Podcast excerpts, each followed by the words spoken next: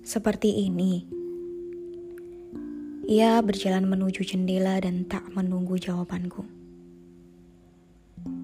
Perlahan tersenyum dan mengerling kecil, aku pun tersadar. Malam kemarin, aku berpisah dengannya.